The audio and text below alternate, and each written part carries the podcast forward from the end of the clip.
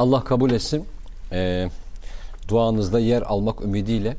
Hocam e, Adıyaman'ın eski belediye başkanı Hüsrev abi geldi aklıma. Neren efendim? Adıyaman. Adıyaman eski belediye başkanı. Evet. evet. Hüsrev abi e, biraz da kendi anlatmıştı diye anlatıyorum. Kiloluydu. Bayağı bir kiloluydu o zaman. Dedi ki Mehmetciğim yiyiniz içiniz israf etmeyiniz derken benim dedi kilo problemim yok. Var çünkü kilom.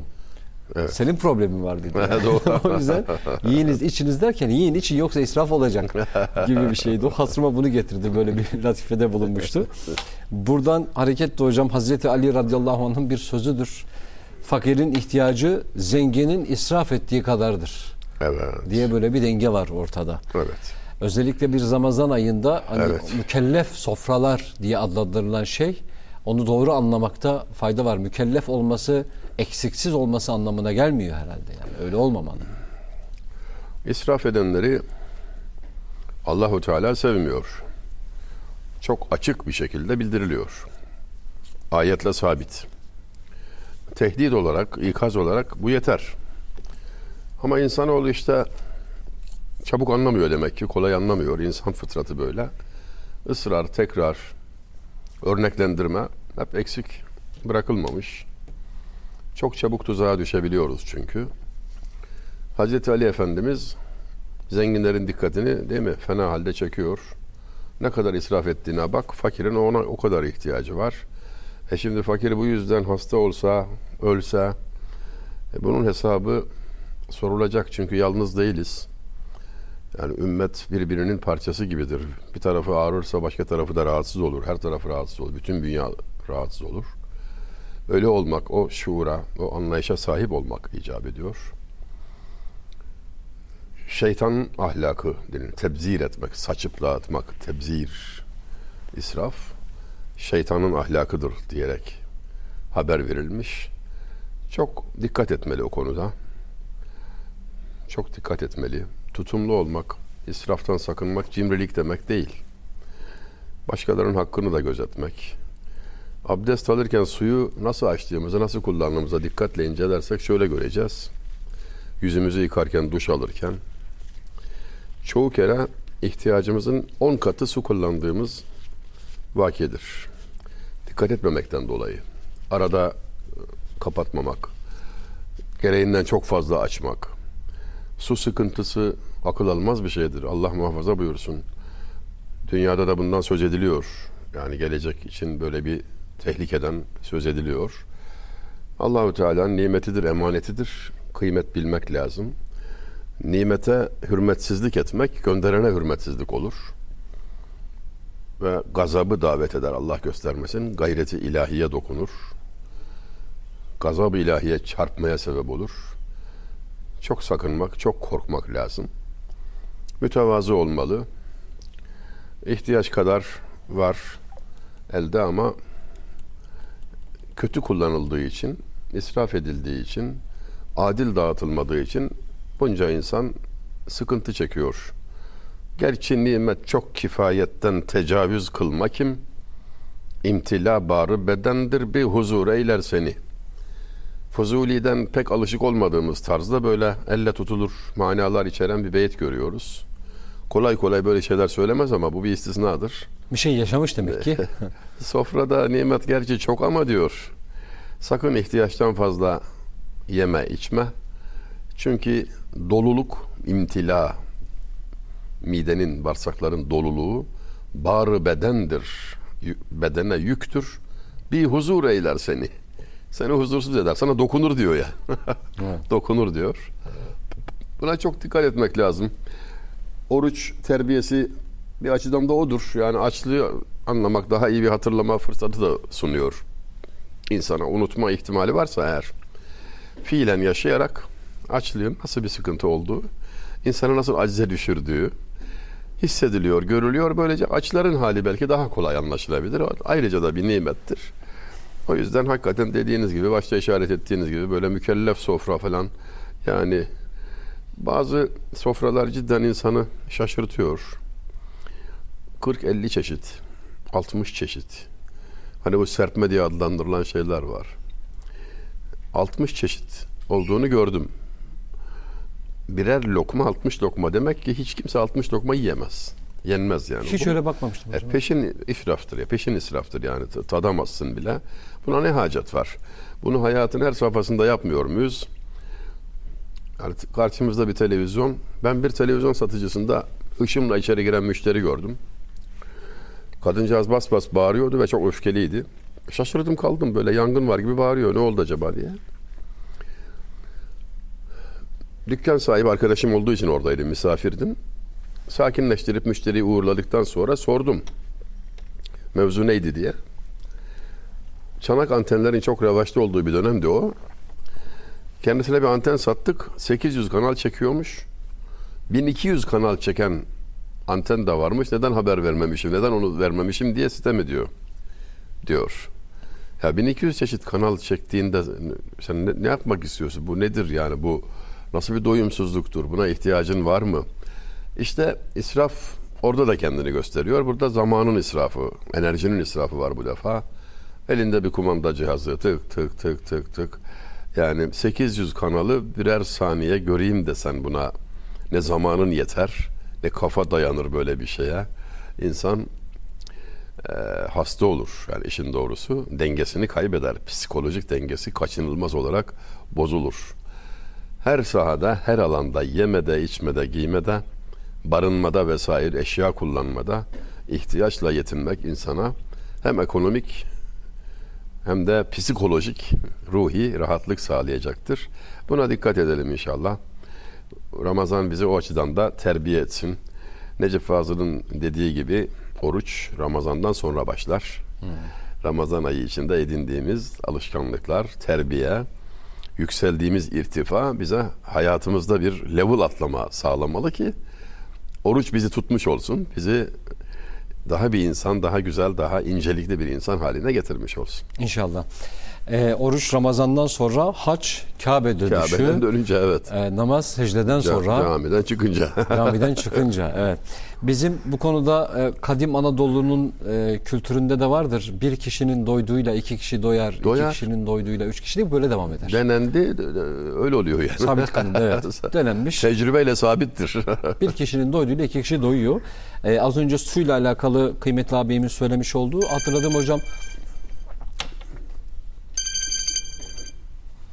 Evet. Devam ediyorum ben burada.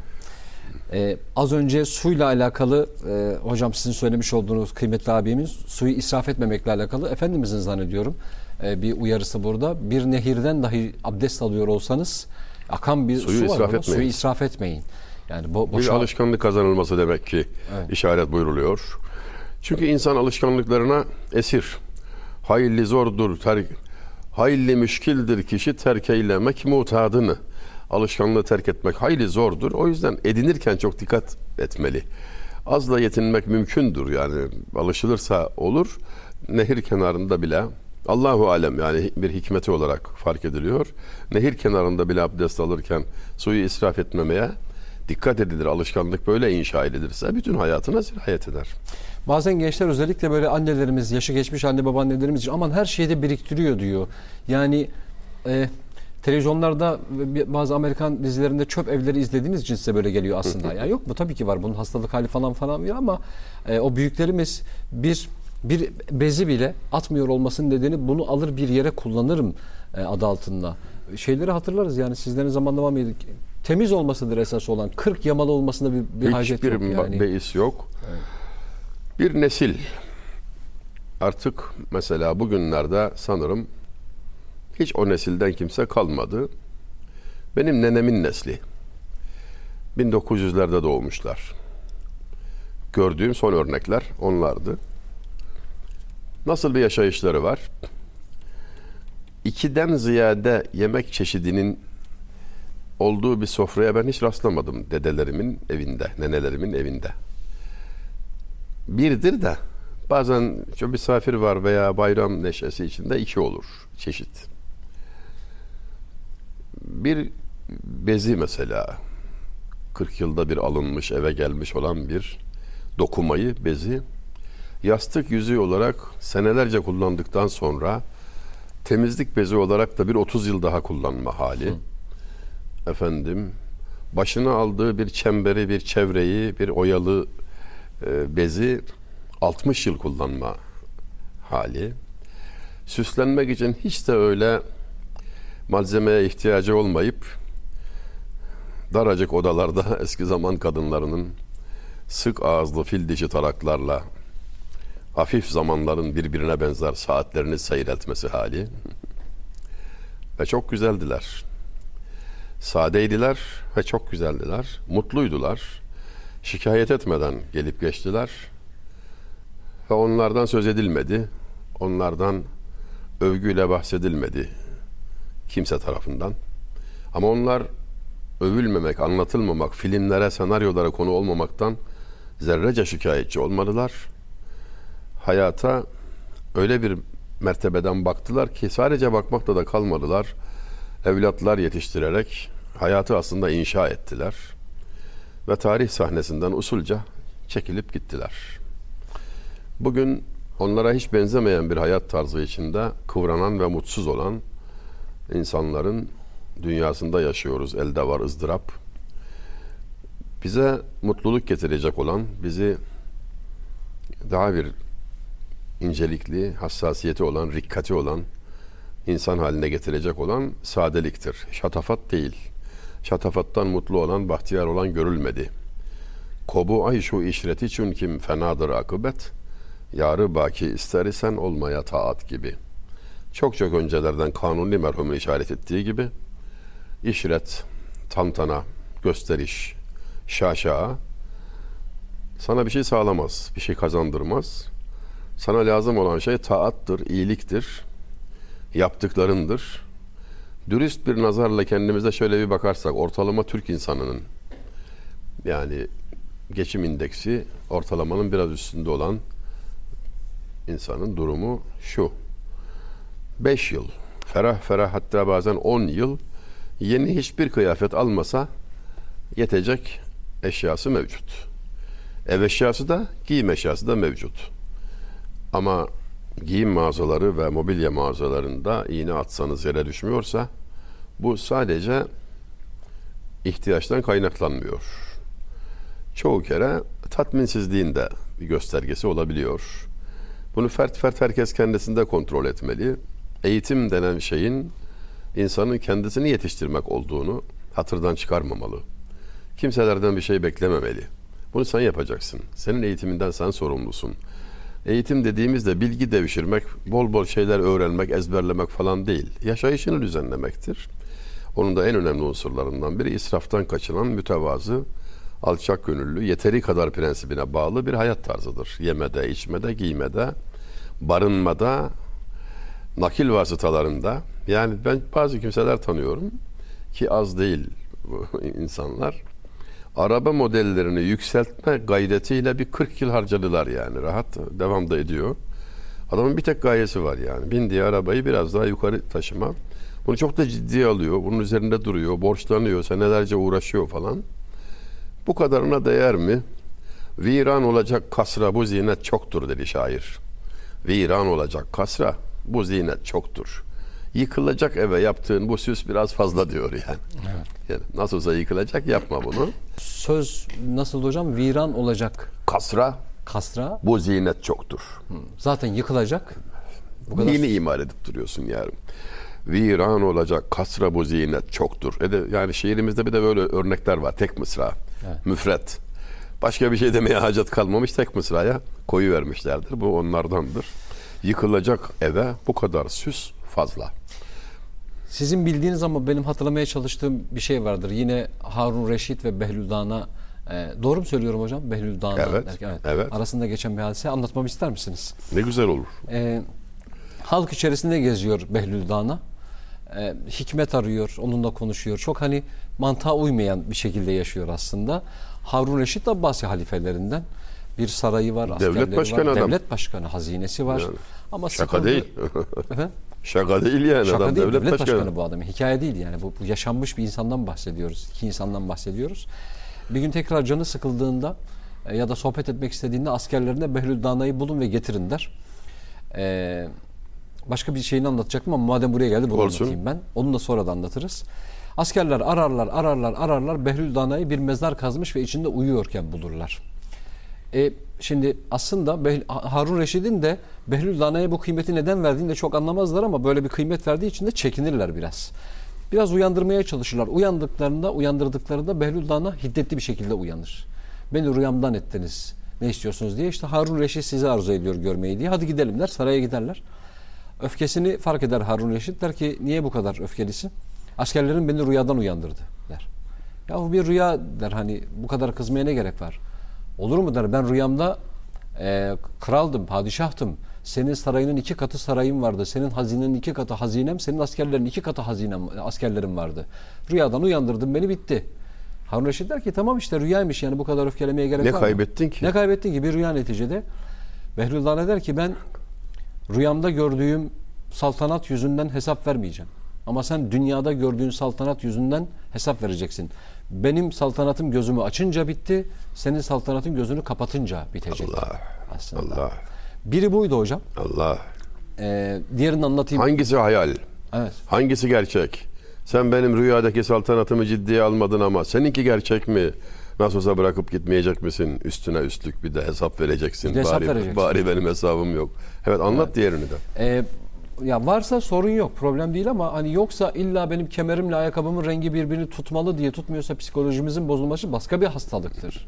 Yani o kemerle ve bunu toplum içerisinde özellikle genç arkadaşlara eksiklikmiş gibi hissettirmek, özür diliyorum e, sözün meclisten dışarı cehaletmiş gibi göstermek başka bir rahatsızlığın göstergesi doğru çok daha derin bir konu.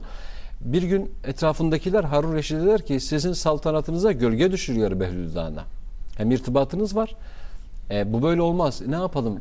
Nedir fikriniz, düşünceniz? E, içeri zindana atalım. Hapse atalım. Hem içeride bulunanlara da sohbet eden onların da hayatını düzenler. Yahu der adamı durup dururken nasıl içeri atalım? Şimdi. Şöyle yapalım efendim derler. Devlet erkanı olarak kendisinin evini ziyaret edeceğimizi söyleyelim. O da bir telaşla beraber evinde de muhtemelen bir ekmekle ayrandan da başka bir şey yoktur bizlere ikram edecek olan. İkram ederken diyecektir ki kusura bakmayın size layık değil. Vay sen nimete mi hakaret ettin der içeri atarız. Tamam der Harun Reşit onlara uyar. Behlül Dana Hazretlerine haber verirler. Geliyoruz diye. Giderler evinde otururlar. Tam da öyle olur. Çıkarır ekmek ve ayranı onlara ikram ederken der ki gerçi siz bunlara layık değilsiniz. Yani, doğrusu buydu hocam yani. Ben bunu ilk defa duyuyorum. Çok hoşuma gitti ya. Ee, ilk defa duyuyor olmaz da benim hoşuma gitti açıkçası. Yani bu- Siz buna layık Siz değilsiniz buna ama. layık değilsiniz der, özür diler ve oradan ayrılırlar. Allah Allah. Şimdi az önce konuştuğumuz şeylerle alakalı yani bir zeytindir, bir hurmadır, içerisinde bulunduğumuz nimetlerin tamamıdır. Gerçekten acaba biz bunlara layık mıyız diye çek etmek kendisini. Çanakkale'nin kaçıncı yılıyla alakalı olduğunu hatırlamıyorum. Ee, Çanakkale'ye gidip bir teyzemizle, yaşı bayağı geçmiş bir teyzemizle, Çanakkale yıllarını yaşamış bir teyzemizle röportaj yapıyorlardı ve şu ifadeyi kullandı. Oğul dedi ekmek fırından çıkıyor ne var ki yaşamaya şu an. Allah Allah. Bütün hayatın özetiydi o. Allah Allah. Ve aramızda yaşayan bir Sen diyor ekmeğin fırından çıktığının kıymetini bilmiyoruz. Yani Allah Allah. Ne var ki yaşamaya? Nereden çıkıyordu? Neydi o zaman? Kadıncağız ne demek istiyor? Hocam öyle bir şeymiş ki e, atlar yedikten sonra af evet. buyurun Evet. atların vücuttan dışarı alan. attıkları buğday kırığından çorba yapıp Evet. ondan yiyecek olarak onu yemekti o zaman. Onu ye- buğday kırığı, buğdayın kendisi bile değil. Allah buğday Allah. kırığından. Şimdi şeyden de çok şikayet edebiliyorlar insanlar bazen. E canım o o zamandı. Tamam sen kendi zamanına göre israf etme. Evet. kendi zamanına göre harcama yani harcama dediğim mesela çok enteresan bir şey söylediniz israfla alakalı Se- şeytanın saçmasına ne deniyor hocam? Evet. Tebzir, tebzir. Tebzir. Saçıp dağıtmak. Ama bunu biz infak olarak yaptığımızda Ha, daha fazla dağıtıyor olabilirsin ama bunu infak olarak yaptığı zaman muazzam kazancın olur. Evet. Yani şimdi açık büfeden tepsiyi doldurup tabağı doldurup sofraya gelmek var. Çok örneğini görmek mümkün olabiliyor bazen böyle. Lüksün hakim olduğu, şatafatın hakim olduğu yerlerde. Alırken kendisi de biliyor onu bitiremeyecek ama beşte birini, dörtte birini yiyip kalanını masada bırakıp huzur ile şen şakrak bir de masadan ayrılıp gitme halindeki lakaydi dikkat çekiyor. Yani bu cidden vahim bir durum. İnsanlık seviyesi açısından vahim. Burada o merhameti, o düşüncesi, tefekkürü, inceliği olmayan insanın hayatının başka hiçbir safhasında incelik arama. Olamaz. Çünkü insan bir bütündür. Yani sözüyle özü, davranışı, dünyasıyla ahireti, gecesiyle gündüzü, zenginlikte ve fakirlikteki davranış tarzı. Yani insan bir bütündür. Canım orası dünya, orada böyle, burası öyle değil ya. Bu insan üslu bir beyan aynıyla insan diyor ya yani sözü bozuksa özü de bozuktur. Hepsi bir düzelecek yani. Sen orada yerken eğer acı düşünemiyorsan bunun israf edilmesi senin içini sızlatmıyorsa e bu düpedüz idraksizlik, merhametsizliktir, şımarıklıktır. Haddi aşmaktır.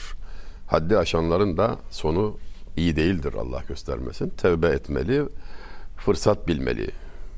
Bu günleri, bu halleri hocalığımız tuttu ya hani nasihatları fırsat bilmeli.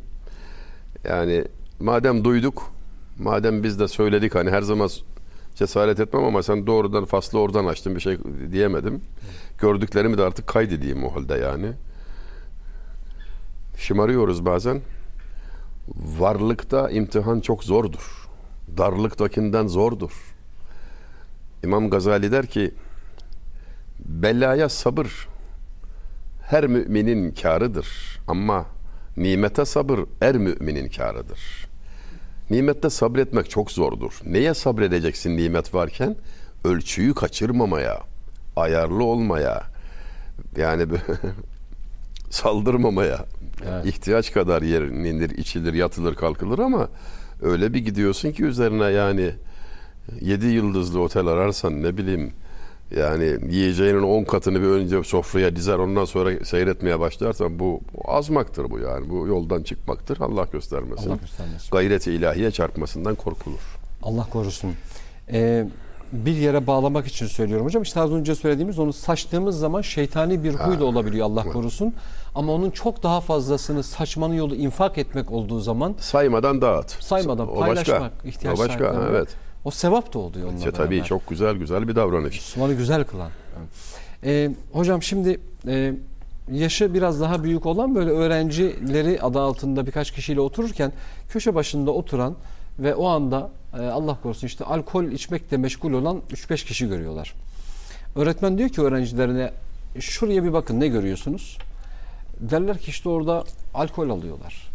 İyi bakın der. 5 kişi var orada. İşlerinden iki tanesi içtiği şeyi sarmış. Diyor ki onlar da hala bir edebe, bir korkuya bir işaret var orada diyor. Başka zamanın tamamını bulur sizinle paylaşırım ve o iki kişiyi yanlarına alıp çok daha önemli görevlerde, başka ülkelerde. Haya var. Evet, haya var. Haya var. İşte işte yani. Evet. Bu kadarcık bir nüans bile. Evet. Hani dediniz ya hocam, o açık büfe adı altında bu israfı gözetenin hayatının diğer safhalarına baktığımızda aynı aymazlığı orada da görebiliyoruz. Tabii. Yani Tabii. insan bir bütün dediniz. Adam elindeki çöpü ortalığı rahatsız etmemek için çöp kutusu bulana kadar gezdiriyor. Evet. İşte bu eğitimli olmanın, idrak sahibi olmanın bir göstergesidir. Atıp geçebilir bu gayet kolay. Zaten herkes atıyor ne olacak ki demek de mümkün ama böyle bir riayet içindeyse, bir incelik gösteriyorsa ölmemiş damar var demektir. Evet. Kabahat ediyor olmaya ilave bir de hayasızlık varsa yayıp böyle falan o hepten çaresiz bir duruma düşer yani. Evet. İçtiği şeyi utancından sarıyor. Yahu yasak olan yerler vardı. Mesela şunu yasak derken şunu kastediyorum. Belde adı bizim oralarda yani. Denizliliyim ben. Komşu ilçede Acıpayam'da böyle bir şey vardı. Mevzuata dair değil. Halkın göreneği itibariyle. Cuma akşamı da içki satılmaz ya. Falan. Ya bu insanlar böyle kabul ederler. Hakikaten Açıktan içki satılmazdı ama akşamcı, alkolik bazı insanlar da eksik değildi. Utana sıkıla. Gazete kağıdına şuna buna sararak örter yani böyle. Herkes bilirdi onun ne aldığını ne götürdüğünü ama utançla ömrü boyunca adamın yaşı bilmem nereye gelmiş 60'ı geçmiş ama bir haya var.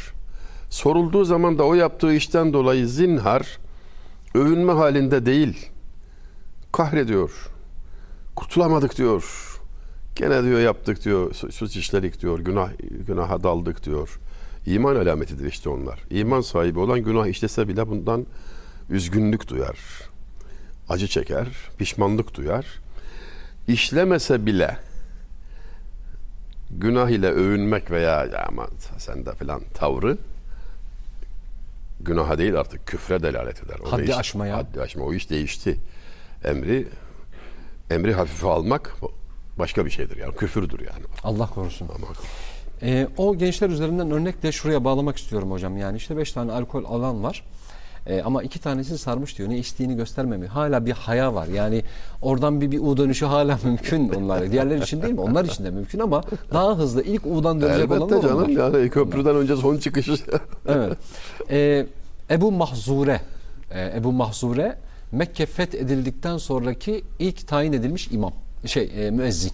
Hocam şöyle bir hikayesi var. E, Müslüman olmadan önce bilirsiniz ama yine de anlatmak isterim bilmeyenler açısından. Genellikle sen bunu bilirsin ya hocam diye başlayan paragrafları ben bilmiyor oluyorum. ben bu programda hocam sen şu- bilirsin diye sorulan sorulara da genellikle hikmet hüda yani. Evet. Demek ki orada da bir ders var. Hocam sen bilirsin diye geldim diyor. Ben onu bilmemiş oluyorum. İyi, iyi de oluyor. Öğreniyorum bu vesileyle. Estağfurullah hocam. Bir de şöyle bir şey de var. Serde bundan kaynaklanıyor. Yani bir bilmediğinizi kabul etmemek bana da yarar. Yani biliyorsunuzdur diye. E, Bir de Ebu anlatırken- Mahzure. Ebu Mahzure. Ee, şöyle anlatıyor. Ee, henüz e, İslam'la şeref bulmadan önce diyor ki e, Kabe'nin yakınlarına gittik ve Bilal'i taklit etmeye başladık. Ben kötü kötü ezan okumaya başladım diyor Allah. arkadaşlarımla. Yani e, İslam'a bu konuda hakaret etmek maksadıyla. Çünkü ezan bu konuda İslam'ın göstergesi. Biz bunu yaparken diyor dalga geçerken bir anda onun ifadesi Müslümanların kralını Peygamber Efendimiz'den bahsediyor karşımızda gördük. Korktuk, e, utandık, sustuk. Hazreti Muhammed diyor yanımıza geldi. Elini diyor perçemime koydu saçıma. Ne kadar güzel sesim var. Allah Allah. Sonra devam etti. Ama ezanı yanlış okuyorsun. Allah Allah. Sana doğrusunu öğretmemi ister misin? Öğretin dedim diyor. Orada diyor Hazreti Muhammed ezanı baştan sona okudu. Ezan bittiğinde ben Müslüman olmuştum diyor Allah. orada. Sonra bana okuttu. Allah. Ve ben ömrüm boyunca saçımın ön perçemini kesmedim. İslam'da şeref bulduğum anı bana hatırlatıyor diye. Ve o insan Mekke fethedildikten sonra tayin edilen ilk müezzin olma şerefine nail oluyor bununla alakalı. Ve nasıl başladı kelam? İlk kelamıyla Efendimiz Aleyhisselam ne güzel ses. Ne güzel sesim var. Bütün kilit Pozitiften başlıyor yani mevzu. Ne güzel sesim. Allah ömrüne bereket versin ya. Allah razı olsun. Allah razı olsun. Hani oradan bağlamak yani birbirimize bir şey anlatırken birbirimizi Üslup meselesi. Üslup. Hani üslubu kimliğidir diyor ya. Allah Allah. Üslubi beyan, aynıyla insan. Evet. Çok teşekkür ederim. Allah razı olsun. Çok güzel bir örnek duymuş oldum. Bu çok çok kıymetli olduğuna inanıyorum bunun. Yani sadece o hareketiyle bugün Efendimiz Aleyhisselatü Vesselam'ın babaya, anaya, evlada, işverene, tüccara, tacire, e, devlete, Öğretmene. hep öğretmene aklınıza kim geliyorsa bu konuda insan yetiştirmekle ya da dostun dosta uyarısında bir hayatı yaşarken bizlere verdiği muazzam bir ölçüdür aslında bu. Allah Allah. Ee, yani bunu çok örneği vardır belki işte haşa e, benzetmek için söylemiyorum bilirsiniz e, Leyla'nın mahallesindeki köpektir diye onu seven Mecnun'un ama Leyla'nın mahallesini Aman dolaşandır diye. Paye sekbusid mecnun gofti alem incebut gofti insek gahi gah der kûyi leyla reftebut dediler ki ya köpeğe de hürmet edilir mi Mecnun ya hepten yoldan çıktın sen falan almış kucağına ayaklarını öpüyor köpeğin olmaz diyorlar bu kadar canım tamam aşıksın ama yani abarttın sen diyor. o da diyor ki bilmiyorsunuz Leyla'mın köyünden geldi. Bastığı taşlara bastı. Ben ondan hürmet ediyorum. Gof desek, gah, gof de insek gahi gah der kûyi Leyla reftebut. Oradan iz taşıyor diye sevgi duyan, muhabbet duyan, saygı gösteren bir aşk biçimi. Senin diyeceğin başka bir şeydi belki ama bu beytten Yok hocam, çıkacak buydu. en açık sanki. Yani niye seviyorsun orayı? Sevgilim oralı. Sevgilimi tanıyor. Göreni gördü. Evet. Huyu benziyor.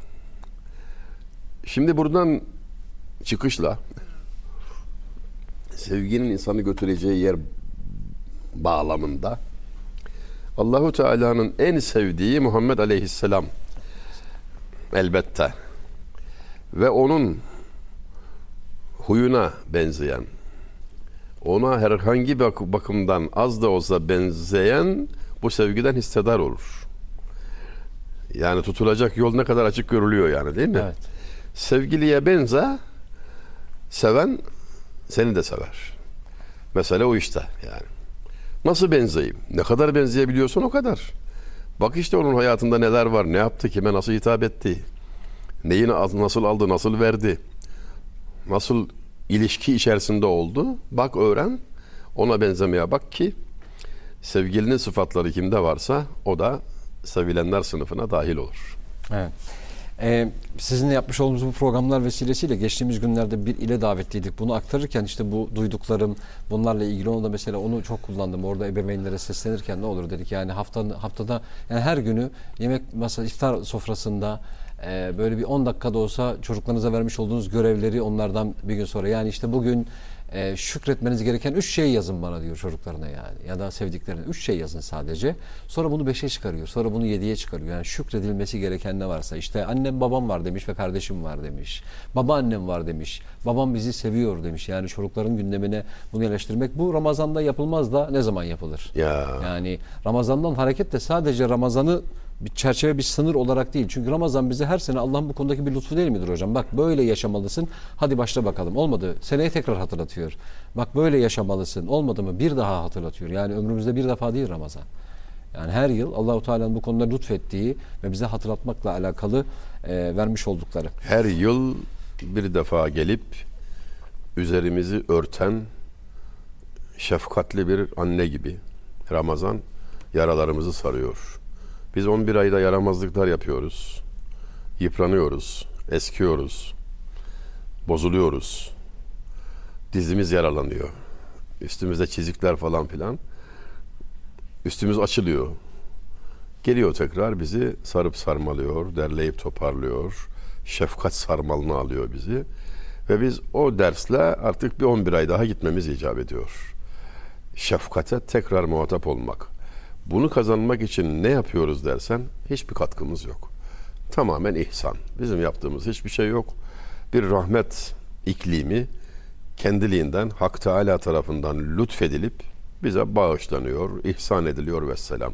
Şu kadar katkımız yok. Evet. Almaktan başka da karımız yok. Çok şükür. E, ibadetler içerisinde e, teşbihat olmaz. Hangileri olsun denseydi aklımıza dahi gelmezdi hocam. Gelmezdi. Gelmezdi yani. Yani şu kadar saat yeme içmeden kesilerek bir ibadet tarzı. Namaz kimin aklına gelirdi? Şekli kimin aklına gelirdi? Yani şükretmek, Cenab-ı Hakk'a şükretmek de onun istediği biçimde olmalı ki bir işe yarasın. Kendine kalırsa ne yapacağını bilemezsin. Saygı göstermek, sevgi izhar etmek, şükrünü ifade etmek diye tercih edeceğin üslup tahkir olabilir, hakaret olabilir, saygısızlık e, biçimi olabilir. O yüzden bu Nas'a bağlanmış. Mansusun ileyhtir yani. Ayet ve hadisle yolu gösterilir, şekli gösterilir. İnsan bunu böyle bilir. Kendine kalırsa garip işler tutuyor insan. Yılana tapan var ya. Evet. İnsanoğlu böyle işte. Halimi düşündükçe Hazreti Ömer radıyallahu anh cahiliye döneminde diyor iki halimiz vardı diyor. Birini hatırlayınca ağlarım, birini hatırlayınca gülerim diyor. Neydi? Valla helvadan put yapardık biz. Tapınırdık. Seyahatte de yanımızda götürürdük tanrısız gezmeyelim diye. Hem tapardık, acıkınca da yerdik helva ya. Taptığını yiyor. Düşündükçe gülüyorum. Ve biz kız çocuklarından utanır, korkar, onları diri diri toprağa gömerdik. Bugün anlamamız ne kadar zor, ne kadar havsalamızın dışında bir şey. Ama bu bir sosyal gerçeklik idi. Onları sevmeyi hem de çok sevmeyi öğretti bize. Sevginin şahı, Habibi Kibriya. Hatta iş oraya vardı ki bir hadisinde oğullarınızı sevin deyince etrafındakiler ya Resulallah kızlar onları zaten seversiniz onlar kendilerini sevdirirler dedi. İş oraya gelmiş. Oğulları sevmeyi ihmal etmeyin diye emir sadır oluyor. Nereden nereye taşınıyor toplum, insanlık, insan nereden nereye taşınıyor ve ne kadar zaman içerisinde? Hangi imkanlarla? Devlet mi vardı, servet mi vardı, neydi yani? Sadece onun güzel ahlakı, onun istikameti, güvenilirliği, asla yalan söylemediğinin düşman tarafından tasdik ediliyor olması. Sermaye bunlar. Ama demek ki en kıymetli sermaye bu. Anla ki en kıymetli sermaye bu. Devlet diyorsun bitiyor. Servet diyorsun tükeniyor. Yani hiçbirinin kalıcılığı yok. Baki değil. Mülki dünyası müzer. Bir harap olmuş gönlü tamir etmektir hüner. Buna fani dünya derler. Durmayıp daim döner. Ademoğlu bir fenerdir. Akıbet bir gün söner. E, Mehmet diye bir arkadaşım vardı. E, şimdi az önce saygıdan bahsettiniz. Aslında saygısızlık olarak adettiği şeyin hayatını nasıl değiştirdiğine ilişkin bir anla alakalı böyle bir hikaye anlatmıştı. E, panolar yazarlardı. Reklam panoları üreten bir firmanın küçük bir dükkanı vardı bununla alakalı. Yanımda çalışan dedi 10 yaşın 17 yaşında annesi ve iki kardeşine bakmakla yükümlü, babası olmayan bir çocuk dedi Mehmet. Bir gün bir işe gittik dedi işte Anadolu yakasında bir yere. E, işi bitirdikten sonra tam dönüş yolunda araca binecekken demiş ki Mehmet abi demiş ben şu camide namazımı bir kılıp bineyim arabaya. Geç kaldık demiş sen şimdi dükkanda kılarsın. Bin. Yok demiş ben burada kılacağım. Ya bin demiş arabaya. Bizim Mehmet de biraz sertti. Bir de işveren ya. Aklıma da diyor daha sonra şu gelmeye başladı. Ben buna iş veriyorum. O da bana orada ihtiyacı olduğunu da biliyorum. Hayır diyor binmeyeceğim arabaya namazı kılacağım. Demiş ki seni kovarım. Demiş ki rızkımı sen mi veriyorsun? Kov. Ne yaptı dedim. Gitti diyor o namazını kıldı.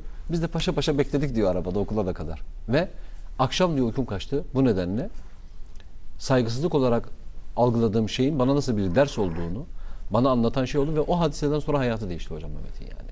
Bununla alakalı. Yani aslında saygısızlık olarak gördüğü şeyin neye e, evrilebildiği, neye çevrilebildiği ile alakalı. Hani sormuşlar ya hocam. samimiyet, samimiyet. Samimiyet evet. Ee, biz namaz kılmıyoruz. Kafir olur muyuz? Hayır. E, namaz kılmayan kafir olmaz ama kafirler de namaz kılmaz. Ya Yani aradaki bütün e, şey o. ezber edilecek bir mesele azizim. Evet. Namaz kılmayan kafir olmaz ama evet. Kafirler de namaz kılmaz. E, diyor onunla alakalı. Ya şundandır gönlümüze dolmuş olması. e, Bu kendi adıma söylüyorum. Yaptığımdan değil. Olması gerekendir diye söylediğim için. Bu da aslında başka bir sıkıntılı bir durum oluşturuyor hocam. Toplum içerisinde e, o dediğimi yapın, yaptığımı yapmayın gibi böyle bir ayrıma doğru gidiyor da. Şimdi Abdülkadir Geylani'ye bir kadın çocuğunu getiriyor. Çocuğunun kötü bir huyu varmış. Ham hurma yiyormuş çocuk sürekli. Ham hurma tabii karın ağrıları başlıyor. Abdülkadir Geylani'ye e, söylüyorlar. Diyor ki 40 gün sonra gelin diyor. Kadın gidiyor çocuğuyla beraber 40 gün sonra geliyor. E, alıyor çocuk aslında. Çocuğa diyor ki evladım ham hurma yeme diye. Kadın diyor ki bizi 40 gün bunun için mi beklettin? Yani bunu söylemek için mi? Evet çünkü ben de yiyordum diyor ham hurmayı. Yani önce benim terk etmem gerekiyordu bununla alakalı. Az önce verdiğim örnek de ondandı. Dediğimi yapın, yaptığımı yapmayın. E, ama neden yapmadıklarınızı yapın diye Şimdi o kelamda şöyle bir vaziyet var. Hocanın dediğini yap, yaptığını yapma. Bizim oralarda çok söylenir. Ve şu mana verilir ona. Yanlış yapar. Söylediği doğrudur. Kitaptan söylemiştir. Dediğine bak, yap, yap yaptığına bakma. Çok yanlış bir anlayış tarzıdır. Şöyle anlaşılmalı. Bu söz şu demek. O Hazret kadar dikkatli olamazsın. O yüzden yaptığını yapma ama evet. sana tavsiyesine uy kurtarırsın yani. o senin yapabileceğin kadarını söyler. Örnek arzu edilirse İmam-ı Azam Ebu Hanife Hazretleri namazdan önce elbisesinde bulunan temiz çamuru temizleme gayretinde. Onu titizlikle temizliyor. Halbuki çamur temiz topraktan hasıl olmuş ve asla mahzuru yok. Bunu görenler diyorlar ki necasetin bile bir miktarının kurtaracağını siz iştihad ettiniz. Sizden öğrendik. Necis bile olmayan temiz maddeyi gidermekteki bu hassasiyet nedir? O fetva bu takva diyor. o uyumak için bak ona uyur. Ama bu ağır gelebilir. Onun takvası da hakikaten çok enteresan yani malum. Bulunduğu şehirde koyun çalındığını öğrenince 7 sene koyun eti yemiyor. Çünkü, Allah Allah. çünkü bir koyun en fazla 7 yıl yaşarmış. İhtimale bina. Soruyorlar biz koyun ye serbest diyor ya. Doğrudan çalındığını bilmediğin zaman satın alır yersin ama fetva başka, takva başka. İzin verilmiş sadece izin. Hepsi bu. Caiz yani. Caiz ne demek? düzgün anlaşılmak istenirse cız demek. Evet. İzin var ama yani yaklaşmasan iyi edersin. İzin var ama yani e, cız yakar. Hocam buraya gelmişken e, hani fikrinizi demek yanlış olur. Bununla ilgili hüküm vardır kesindir ama ben bilmiyorumdur sadece. E, mesela Ramazan Ramazan ayı orucu farzdır. evet. Ramazan ayı orucu farzdır. Şey olabiliyor bazen. E niyet etmedim yarın tutmayayım. Tutmamakla ilgili geçerli ruhsat var mı elinde? Yani hasta mısın? Yok. Hayır. Yolcu musun? Yok. Hayır. Aşağı yukarı bunlar. Yani Ba- Başka nasıl- da bir şey evet. Hastalık veya sefer evet. Bunlar yoksa Ramazan ayında inanan insan için söylüyorum Ramazan orucunu tutman gerekiyor. Evet. Yani yerine getirmen gerekiyor. Akşam niyet etmediydim falan demek gereksiz. Çünkü niyetin vakti dahve-i kübraya kadar o orucun tam ortasına gelen vakte kadar niyet edilebilir. Farzdır tabii orucu, oruca niyet farzdır ama geceden niyet etmedim tutmayayım demenin bir manası yok. E, yoksa yani o dediklerinin yoksa e, gereksiz. Sahur da zaten bu konuda niyet anlamında. E, kalk, niye kalktın yani gecenin bu saatinde, o saatinde? Evet. Niye bir şeyler yiyorsun yani? Başka bir vakitte saat 3'te makarna hazır kalk deseler kavga çıkar ya. Değil mi ya? Yani Ses olsa kavga çıkar. şimdi de memnun oluyorsun. Yani böyle bir hayatı değiştir, rutini rutini şöyle bir çalkalıyorsun ya. Çok güzel bir şey yani. Alıştığın şekilde devam edip gitmek insanı etkisizleştiriyor. Böyle bir tatsızlaştırıyor. Ama bir ay geliyor bir anda bir kampa girer gibi. La teşbih ve la temsil. Gündüzleri yemiyorsun da artık geceleri yiyorsun. Tersine çeviriyorsun işi. Bu her şeyi bir gözden geçirtiyor. Her şey bir elden geçiyor. Yani. Rektifiye giriyorsun sanki.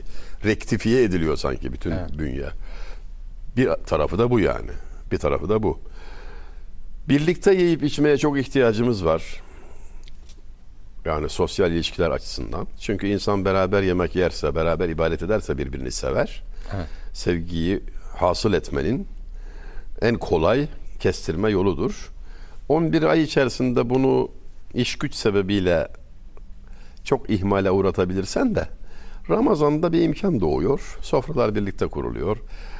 Her iki öğün de iftar ve sahur birlikte yapılma imkanı doğuyor. Daha gösterişli, belirgin tarzda ibadet, özellikle namaz, hele hele Ramazan'a mahsus olan teravih, Teravih. geleneği bambaşka bir şey yani. Birçok insanı da götüren bir rüzgar haline geliyor. Birlikte namaz kılıp birlikte yemek yemek suretiyle araya sevgi giriyor. Teravihte yan yana dikilen çocuklar büyüdüklerinde de ahbaptırlar. Dikkat edilsin. Evet. Arkadaştırlar. Ya onu tatlı tatlı anlatırlar. Sen şimdi oku bir şiir oku bana. Şimdi hocam e, bir, bir tek şeyi söyleyeyim sen oku ondan sonra tamam mı? Kaldı 11 küsur dakika. Ben de izliyorum seninle beraber artık. Evet. Sorumluluk bilinci var. Efendim ihtiyara sormuştum. Babamın dostuydu.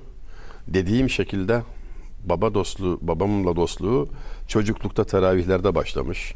Hatta o caminin inşaatında başlamış. 8-10 yaşlarındayken taş çekme, taş getirme, harç götürme filan biçiminde bir teşriki mesaileri var. evet. Cami faaliyete girince yaşları 13-14 ve içeri alınmıyorlar. Camiye sokmuyor onu görevlisi. Fırıncı amca vardı. Biraz da celalliymiş. Büyüdükçe artık ayakkabılıkta değil de bir saf içeride. Derken biraz daha ileride. Daha da büyüyünce ortalara, yaşlanınca en ön safa geldik diyor. Ömrümüz boyunca safta 5-6 saf ilerledik. Zaten 6 saflık cami. Bu sene diyor pencereden kabristan göründü. Anladık yolun sonu görünüyor. en ön saftayız. Çocukluğundan beri teravihte yan yana olmakla kurulan bir dostluğun 80 yıl civarında eskimeden pörsümeden sürdüğünü onlarca örneğiyle biliyorum. Yani Eyvallah. basit bir şeyden bahsediyoruz aslında da biz bu karmaşık hayatta, modern hayatta çok kafası karışmışlardanız. bir bölük ankalarız. Mardin Ulu Cami hocam gezmişsinizdir. Geldim. Ee, orada Efendimizin de sakalı şerifi vardır orada. Ee, mesela o zamanki cami yapıları çok çok ince gelir bana. Ee, yuvarlak değil, dikdörtgen. Safın uzun olmasını sağlıyor. Evet, evet. Yani Evet. bir safın ne kadar uzun olursa yan yana, omuz omuza. Ya mimarisinde inancın mimariye dönüşmesi, inancın bütün hayatı sirayet etmesinin en güzel boyutlarından biri. Biri hikayeydi, biri şiir ama seversiniz diye Cemal Safi'nin bir şiiri vardır. Tek hece aşk diye. Evet. Şiiri vardır. Parlak bir şehirdir. Evet onu onu ben e, okumak isterim sizler de müsaade ederseniz. Şimdi biz naçizane biraz böyle eli kalem tutanlar aşk hakkında çok konuşuyoruz He. vesaire ama aşk dile gelse ne anlatacak? Yani O benim- kendini anlatmak istese mesela. o kendini anla aşk kendini anlatmak istese şöyle anlatmıştı hikayesini. Bir gün dedi bir bir etkinlik sonrası oturuyoruz bir arkadaşımla. Genç bir gazeteci çocuk geldi yanımıza 20'li yaşlarda. Cemal Safi siz misiniz dedi. Benim. E, beni gazeteden yolladılar. Sizinle röportaj yapmamı istediler. Konu ne dedim aşk. Biz de diyor yorulmuşuz falan. Ben ne anlarım aşktan dedim diyor çocuğu yolladım. O da böyle ardına baka baka gitti diyor yani. Ben üç gün kaldım diyor İstanbul'da. Üç gün üst üste bir rüyada diyor bir ses işittim. Beni tanıyorsun beni yaz diye bir ses. Beni tanıyorsun beni yaz. Sonra diyor o ne deniyor o e, yataklı trenlere şey deniyor işte. Ha, kompartıman kompartıman. İstanbul'dan diyor giderken o zaman puşetli. Neydi Evet, hocam? Puşet derlerdi ona. Puşet. Evet. Evet. Altta diyor asistanım Puşet. uyuyor. Ben de yukarıda gece rüyamdan tekrar uyandım ve uyudun mu evladım deyince uyandım efendim dedi. Al dedi kalemi kağıdı. Biz diyor o yolculuk boyunca ben söyledim o yazdı diyor şiiri. Ve yazmış oldum diyor bunu. Sonra Orhan Gencebay arada bir ararmış. Cemal abi var mı yeni bir şey? Cemal Safi'nin kardeşiyle Orhan Gencebay okul arkadaşı. Evet. Var mı yeni bir şey? Tek hece aşkı okudum diyor ona telefonda. Dedi ki Cemal abi bunun üstüne ne yazacaksın? diye. Sonra ver onu bana yolla besteleyeyim. Bundan şarkı olmaz ki Orhan dediğimde ben bunu bir şiir fon olarak yapacağım Cemal abi demiş ve şunu yazmışlar. Aşkın kendini anlattığı bir şiir. Diyor ki var mı beni içinizde tanıyan? Yaşanmadan çözülmeyen sır benim. Kalmasa da şöhretimi duymayan kimliğimi tarif etmek zor benim. Bülbül benim lisanımla ötüştü. Bir gül için can evinden tutuştu. Yüreğine toroslardan çığ düştü. Yangınımı söndürmedi kar benim. Niceler sultandı, kraldı, şahtı. Benimle değişti talihi bahtı. Yerle bir eyledim tac ile tahtı. Akıl almaz hünerlerim var benim. Kamil iken cahil ettim alimi. Vahşi iken yahşi ettim zalimi. Yavuz iken zebun ettim selimi. Her oyunu bozan gizli zor benim. Yeryüzünde ben ürettim veremi. Lokman Hekim bulamadı çaremi. Aslı için kül eyledim keremi. İbrahim'in atıldığı kor benim. Sebep bazı Leyla, bazı şirindi. Hatrım için yüce dağlar delindi. Bilek gücüm Ferhad ile bilindi. Kuvvet benim, kudret benim, fer benim. İlahimle Mevlana'yı döndürdüm. Yunus'umla öfkeleri dindirdim. Günahımla çok ocaklar söndürdüm. Mevla'danım, hayır benim, şer benim. Benim için yaratıldı Muhammed. Benim için yaratıldı o rahmet. Evliyanın sözündeki muhabbet, enbiyanın yüzündeki nur benim. Kimsesizim. Hasmım da yok, hısmım da. Görünmezim. Cismim de yok, resmim de. Dil üzmezim, tek hece var ismimde. Barınağım, gönül denen yer benim. Benim adım aşk. Rahmet Muhteşem olsun. tabii. Muhteşem tabii. Tebrik ederim. Rahmet olsun kendisine. Rahmetli'nin kendisini okudun mu? Okudum. Evet. Büyük Ee, cesaret. So- önce kendi isteğiyle hocam. Ha. Evet kendi yoksa asla. Bir de son 4-5 yılında çok yakın mesaimiz oldu. Bir şiirimi kendisine asla sağ olsun çalışma arkadaşına ona yollayıp dolaylı yoldan şuna bir bakar mısın dedim. Çünkü bir bakar mısın dememin yolu Cemal Baba bakabilir mi diye bir şeydi. Bir tek böyle bir şey. Kendisine okumam da hem bir televizyon programında konuk aldığımda sen oku dedi. Ee, şiir oku. Sizin şiirlerinizden okuyabilir miyim diye. Yoksa asla böyle onun yanında da şiir okuyayım. Hele hele bakın bu da benim şiirim. Bir bakar mısınız? Asla böyle bir şey yok. Öyle bir şeye girmedim ben zaten. A- ama şükür yani onu korumaya çalıştık. Şimdi bazı şeyi anlatırlar hocam diyor ki bir doktor anlatmıştı. Geliyorlar bana aileler diyor ki çocuğumuz piyano çalsın istiyoruz ne yapsın? E, piyano çalsın. yani işte çocuğumuz matematikte ilerlesin istiyoruz ne yapsın? İşte dört işlem onları yapsın. Bana diyor bunu sorarken başka bir formül bekliyorlar sanki. Yani suya şunu kat bunu karıştır onu yap bunun yolu çalışmaktır diyor yani. Başka bir şey değildir diye. E, buradan sebeple tabii ki kendisine şiir okumadım. E, burada da bu da benim şiirim diye başlayacağım hiçbir cümle olmaz. Onu da, söyleyeyim diye. E, genç arkadaşlar şu şiirimi okur musun dedikten sonra hani biraz geç gördüğümüzde kurdukları bazı cümleler olabiliyor. Önce o edebi edebi başka bir şey. Yani onu işitince zaten şiir okumaya da ihtiyaç duymuyoruz. Hani yazmaya çalıştığının sende sirayet ettiği bir şey yoksa, sende oluşturduğu bir şey yoksa gibi örnekleri verilebilir. Şükür. Ee, hocam aldığım notlar var bununla alakalı. Gir bakalım birine. Evet bunlardan biri. Çok güzel notlar var elimde. Mesela bunları, bunları zaten böyle de saklayacağım. Ee, Süleyman Nazif diye yazmışım. Ya Diyarbakırlı Sait Paşa Babası. e, diye Evet. yazmışım. Efendim? babası. Babası. Süleyman Nazif'in Evet. babası. Ee, Süleyman Nazif Diyarbakırlı e, Sait Paşa'nın babası. Oğul. Süleyman Nazif oğlu. Süleyman Nazif onun oğlu Evet. bununla alakalı. Bizim Ahmet abi, Ahmet Turgut e, yazar e, bir ağabeyim. Malatya'da babasının bir kitap evi vardı. Ahmet abi imzalarından biri de orada düzenlemesini istemiş babası. Geçenlerden biri de demiş ki ya bu kim? Demiş ki Ahmet Turgut. Bunun neyi oluyor? Oğlu. İyi oğlu yazmış babası da satıyor burada demek ki diye. Böyle bir hikayeleri vardı kendi aralarında. E, bugünkü aslında programın e, biraz orada döndük. Çok da kıymetli sağ olsunlar bilgilerini aktardılar. E, unutmamakta fayda var diye. E, 40'ta biriydi değil mi hocam zekat? 40'ta, Evet. Yüzde iki buçuk. Kırkta bir evet. Yüzde iki buçuk. Yani onu böyle sosyal medyada da görürsünüz. Çok güzel görseller var. 40 tane 1 lira koymuşlar hocam bir arada. Bir tanesini ayırmışlar. Güzel güzel görünüyor. Diyor ki Allah'ın bu konudaki hakkı. Yani bu farz. Bu, bu lütuf değil. Sen burada bir ihmal mi gösteriyorsun yani şimdi? Ben mi hocam? Mesela. Evet. Bu nasıl bir cinayettir ya? Aynen öyle. Bu nasıl bir cinayettir? Mülkün sahibi sana ihsan ettiği mülkten, maldan kırkta birini fakir kullarıma ulaştır demiş. Yani bu hatırı da mı gözetmiyorsun? Bu da mı ağır geliyor sana? Yapma ya.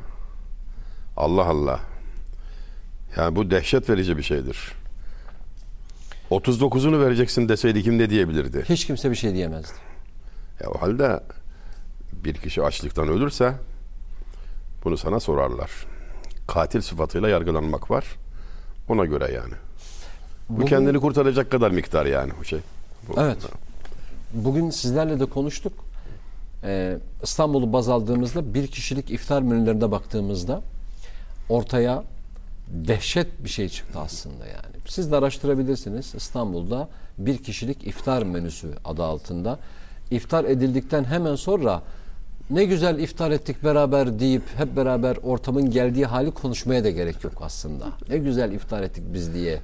Ee, ne kadar çok da detaylandırmak istemiyorum ama hepiniz karşılaşıyorsunuzdur bununla alakalı. Tarife tarif gerekmez. Evet. e, ama e, işte fitre için ne kadar demiştik hocam? 40 TL mi demiştik bu yıl Evet. için? Evet, Yani bunun bir rakama bağlanması gerektiğini şahsen düşünmüyorum.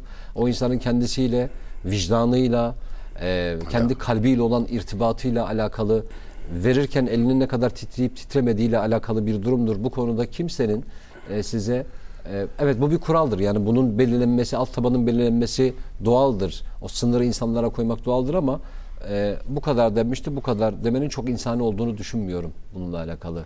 E, yani siz bir bir arkadaşımız bir aileye yardım yapmak isterken e, eşine diyor ki markette alışveriş yaparken yardım edeceğiz. E, oraya da al. Ne kadar alayım diyor. Kendi evine aldığının iki katını al. Ha. Ölçü bu yani. Ha. İki katı olarak değil ölçüden bahsetmiyorum. Daha fazla. Başkası için bunu yerine getirirken. Bunu gözetmediğimiz sürece ortada problem var. Ee, Allah bu konuda infak edebilenlerden, Amin. eli açık cömertlerden Amin. hem de yokken bunu yapabilenlerden Evet, amin. etsin. Sayılı gün çabuk geçer demişler hocam. Ya, Ee, genelde bunu biz şeyden biliriz. İşte sevenin sevdiğini askere yollamasından dolayı biliriz. Ee, hiç yeri değil ama aklıma geldi. Sevginin göstergesidir. Müsaade ederseniz bununla beraber bitirmiş olayım ben.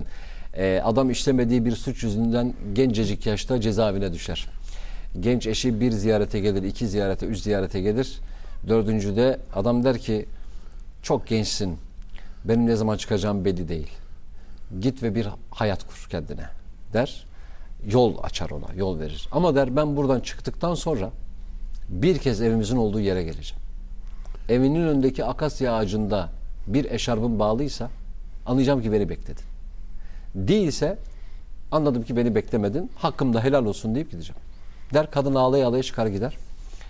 Aradan 20-30 yıl geçer hocam. 20'li yaşlarında, 30'lu yaşlarında hapse giren gencecik delikanlı 60'larında çıkar, beli bükülmüş. Ee, söz verdiği üzere evinin olduğu yere Akasya Ağacı'nın oraya doğru sokakları geçerken büyük bir heyecanla o köşeyi döner, bu köşeyi döner gider. Ağaçta 100 tane asılı eşarbı görünce tekrar evine girer. Yani bu hani beklemekle, sevmekle, sabredebilmekle e, ilgili belki özellikle başta bana sonra izleyicilerimizden kimin ihtiyacı varsa ona örnek olur diye söylemek istedim. Demiş ki kadına sormuşlar amca sana hiç çiçek alır mıydı? Yok ama demiş pazardan aldığı fistanların tamamı çiçekliydi diye.